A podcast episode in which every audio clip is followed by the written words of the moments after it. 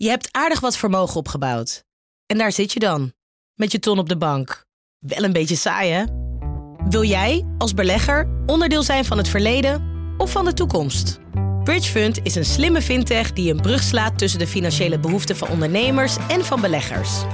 Dus wie belegt bij Bridgefund krijgt niet alleen een mooie vaste rente, maar brengt ook ondernemers in beweging. Echt waar, met die ton kan je zoveel betere dingen doen. Bridgefund. Make money smile. Vanaf de redactie van NRC het verhaal van vandaag. Mijn naam is Thomas Ruip.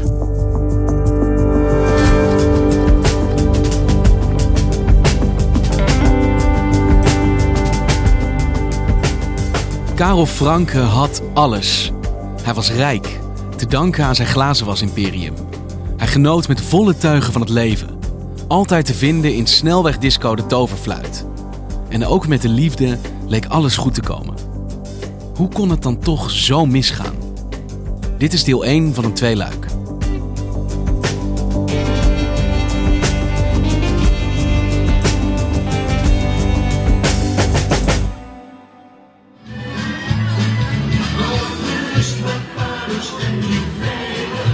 Toverfluit is een van de befaamde baandancings uit Vlaanderen.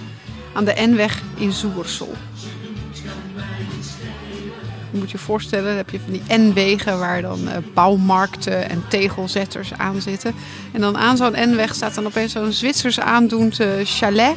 En eh, daar, daar komen veelal senioren eh, Vlamenen die komen daar drinken en dansen. Mag ik iets vragen? Welke dans zijn jullie aan het doen? Polonaise doen wij dan. Polonaise, is allemaal on- onzichtbare afspraken zijn daar. Opeens gaat dan de muziek over op een ander muziekje. En dan verzamelt zich iedereen op de dansvloer om in lange rijen te gaan dansen. En daarna wordt er weer gewalst. En je moet je voorstellen als je daar rondloopt dat je dan de hele tijd knipogen krijgt eh, van, eh, van mannen van 80 die eh, langs je schuifelen om dan heel stijf, maar toch heel gracieus op de dansvloer een dansje te gaan doen. Er zit een soort decorum in. Mensen kleden zich echt mooi aan. En ook al ben je dan 82, waarom zou je dan niet eh, met lipstift op kunnen dansen? Ik wil ook wel zo oud worden. Carola Houtenkamer is onderzoeksjournalist en maakte dit verhaal samen met Marijn Rengers. Daar, daar komen ook wel Nederlanders, Hollanders die daar de grens over zijn gestoken in eh 30, 40 jaar geleden. Eh, om eh, als ze, be- om eh, het Nederlandse belastingregime te ontvluchten. En die gaan dan in van die dorpen wonen daar. En eh, die, die komen ook naar dat soort baandancings. En eh, een van die mensen die daar dan eh, altijd kwam, dat was eh, Karel Franke. Dat was een, eh, een, eh, een Nederlandse miljonair, rijk geworden met een eh, glazenwassersimperium. En die was ook de grens overgestoken om daar in, een, in het dorp Schilde, in een grote villa, een, land, een landhuis, om de, daar te gaan wonen. En die, die, die frequenteerde ook eh, de baandancing. En als je dan in de toverfluit zou komen en hij zou daar aan de bar zitten, wat voor een type had je dan gezien?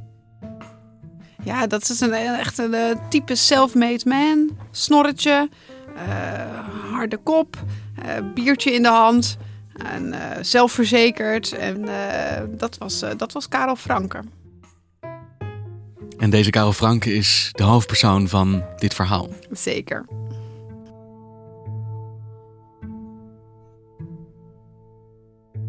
Want hoe zijn jullie aan dit verhaal gekomen? Wij kregen op een gegeven moment een, eh, een eh, mijn collega Marijn Rengers en ik, we kregen een dossier in handen eh, via een advocaat. Ehm, en deze advocaat was bij ons gekomen en gezegd van ik heb hier, ik heb hier een heel bijzondere zaak, ik heb een heel raar verhaal. En eh, wij kregen dus stapels eh, dossiers, financiële documenten, maar ook allemaal geschreven verklaringen van mensen die het allemaal hadden meegemaakt. Dus we zijn eh, mensen gaan spreken, plekken gaan bezoeken. En we hebben ook heel veel brieven gekregen, in handen gekregen van de hoofdrolspelers in dit verhaal. Mijn verhaal over Karel Franke, wat begon als een sprookje en geëindigd is in een nachtmerrie. Ik heb Karel leren kennen in september 2005. Het was in Dancing Toverfluit. Hoi, Carola. Met verwondering heb ik een aantal zaken vernomen. Deze verklaring geef ik met mijn volledige overtuiging en beschrijft de waarheid en realiteit. Hoogachtend, Frank Masmeijer.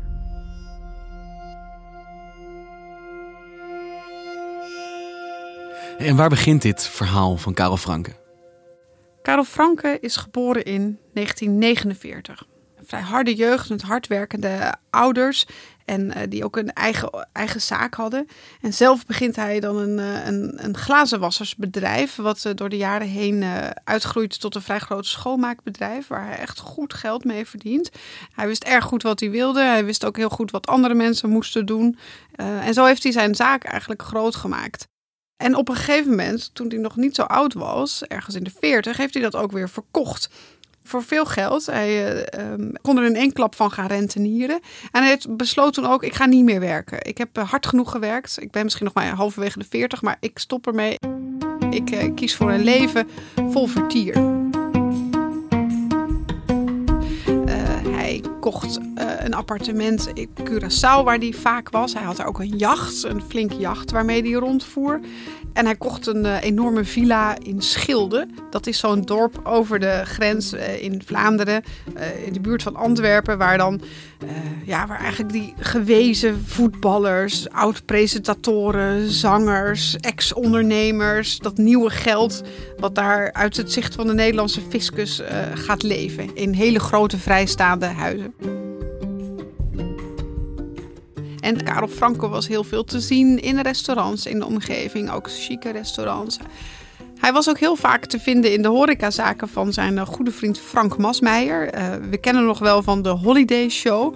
Ja, want ik ken die naam nog wel. Hij was tv-presentator hier. Hij was een van je had toch die grote, enorme quizzes en spelshows op televisie. En, en Frank Masmeijer was een van de bekende quizmasters. Wordt het zon of regen voor onze kandidaten? We weten het straks. Maar eerst is hier Frank Masmeijer. Welkom in ons hotel bij het vakantiespel. Die later naar eh, Vlaanderen is verhuisd toen de, de tijd van de grote spelshows voorbij waren. Om daar te gaan wonen. En daar eigenlijk een soort leven te leiden zoals eh Karel Franke dat eh, leidde. Ja, en dat leven van Karel Franke klinkt niet echt als het leven van een familieman. Ja, dat lag wat moeilijker. Karel Frank is gescheiden van, de, van de, de moeder van zijn dochters. Uit zijn eerste huwelijk heeft Karel Franke twee dochters. Eh een daarvan is eh, Carola. En die eh, zal nog een belangrijke rol spelen in dit verhaal. En hij, gaandeweg kwam hij een, een veel jongere vrouw tegen. Christa heet zij. En hij is met haar getrouwd op de Bahama's. En hij nam haar ook dus mee naar België toen hij daar naartoe verhuisde. En dat is wel hoe Karel Franke leefde. En bracht het hem geluk? Dat is moeilijk te zeggen. Ik denk dat er in Karel Franke een eh, diepe onrust zat. Want met eh, Christa eh, ging het gaandeweg ook niet meer goed. En in 2010 is hij weer gescheiden van zijn tweede vrouw, van Christa. Ze raakten uit elkaar, hadden ruzie. Het was niet een makkelijke relatie. En, en toen was hij weer alleen. En hij hield ook wel erg van een pilsje. En dat werd ook gaandeweg, begon dat zijn omgeving op te vallen. Karel Franke dronk graag een biertje. En nog één, en nog één. Dus hij dronk, maar hij functioneerde nog wel? Hij drinkt heel veel en eh, daar heeft hij niet zo goed grip op. Maar op zijn financiën heeft hij wel, heel wel degelijk heel goed grip. Hij met de harde hand eh, en eh, strak overzicht beheert hij zijn eigen geld. Hij leent veel uit aan zijn vrienden ook, maar dat houdt hij allemaal heel eh, nauwgezet bij. Ook welke rente ze terug moeten betalen. En hij stalde heel van zijn geld op Curaçao bij een trustkantoor van een bevriend iemand. En eh, hij heeft diverse fondsen die, waar hij goed overzicht op houdt. Dus hij dat stevig de vinger eh, aan de pols daar. Maar het gaat hem zakelijk, financieel aanzienlijk beter af dan in de liefde dan. Dus. Ja, daar is hij eh, daar is minder gelukkig in. Maar dat, dat blijft niet zo. Want er komt een, eh, een, een nieuwe vrouw komt er, verschijnt er in zijn leven. En wie is zij? Zij heet Nancy en zij is een serveerster uit de toverfluit, de dancing in de Zoersel. Ze leert hij kennen aan de toog. Hij leert haar kennen aan de toog en hij vindt haar geweldig. En eh, Nancy eh, is eh, op dat moment, als ze elkaar leren kennen, nog getrouwd. En ze, heeft een, eh, ze gaat weg bij de toverfluit en ze opent een klein eethuisje in Turnhout, het racletje. Maar op het moment dat Karel Franke dan gescheiden is en hij hoort dat Nancy's huwelijk ook niet goed is gegaan, belt hij haar op en zegt hij: Nancy, kom toch eens langs in mijn villa in Schilde. En dat doet ze. Dan eh, hebben ze eigenlijk een hele goede, goede tijd. Dat eh, schrijft Nancy later in een van de verklaringen eh, die zij eh, aan de familie van Karel Franke stuurt. Want Karel stond misschien wel bekend als een bitter harde zakenvent met een grote mond.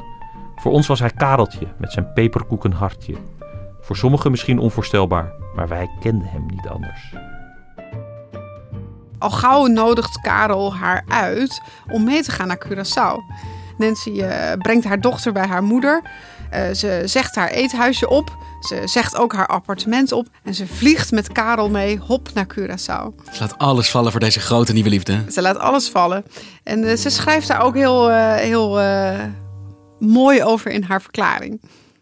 We waren beiden tot rust gekomen, ver weg van thuis in België, waar we zoveel problemen hebben moeten oplossen. En toen was er alleen maar rust. Geen stress, geen telefoontjes. Nee, puur genieten. We gingen leuke dingen samen doen, zoals samen een trasje nemen bij zonsondergang, naar de vissershaven gaan, tussen de lokale bevolking van Curaçao een biertje gaan drinken, samen boodschappen doen. Wel op een langzame manier, want Karel had COPD, maar het kwam altijd helemaal goed. Karel had ook een motorjacht, La Vida genoemd. Het was zijn passie. Ik ben altijd een avonturier geweest, dus ja, ik vond bootje varen natuurlijk enorm leuk. Dus gingen we samen heel veel varen. Hij was de kapitein en ik de matroos. Voor Nancy ziet de toekomst er heel eh, mooi uit. Zij ziet witte stranden voor zich en een enorm huis in Schilde en een, eh, een vermogende man eh, die op haar verliefd is geworden. En, en het is wederzijds, want Karel laat prompt zijn testament wijzigen. Zijn hele bezit zal nu aan Nancy toekomen als hij, als hij sterft. En hij zegt ook ik, ik, wil ook, ik wil ook met je trouwen. Dit keer is het raak. En hij geeft haar de opdracht van wees nou op kerstavond eh, of op eerste kerstdag, wees dan in, eh, in- dan moet je werken in de, de toverfluit in Zoersel. Trek een kerstpakje aan, want dit wordt de avond waarop ik je ten huwelijk ga vragen. Dus had hij contact opgenomen met de toverfluit om een kerstpak voor hem te bestellen. De Vlaamse zanger Frank Galant te laten optreden. En aan ons mama had hem een andere ring van mij gevraagd, om de maat van mijn vinger te weten, want de trouwring voor mij was besteld. Hij gaat een aanzoek doen. Hij gaat een aanzoek doen. Zijn kerstpak hangt al klaar. Nancy heeft haar kerstpakje aan. Dit wordt de avond van hun leven. En? Nancy staat daar de hele avond achter de bar en ze serveert de hele avond drankjes aan eh, dorstige senioren in de toverfluit. En ze kijkt naar de deur. Waar komt, waar, wanneer komt haar Karel? Wanneer gaat hij haar ten huwelijk vragen? Maar hij komt niet, de hele avond niet. Ze wacht voor niks, hij komt niet opdagen.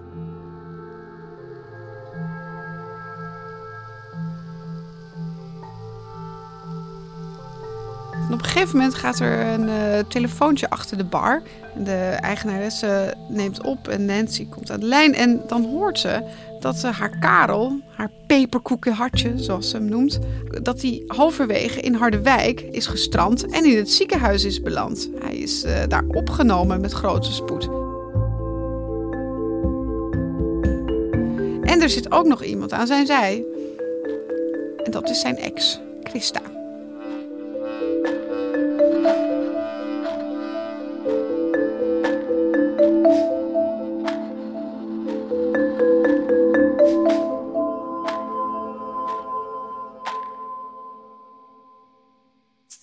Je luisterde naar deel 1 van een tweeluik. Wil je weten hoe dit afloopt? Luister dan deel 2.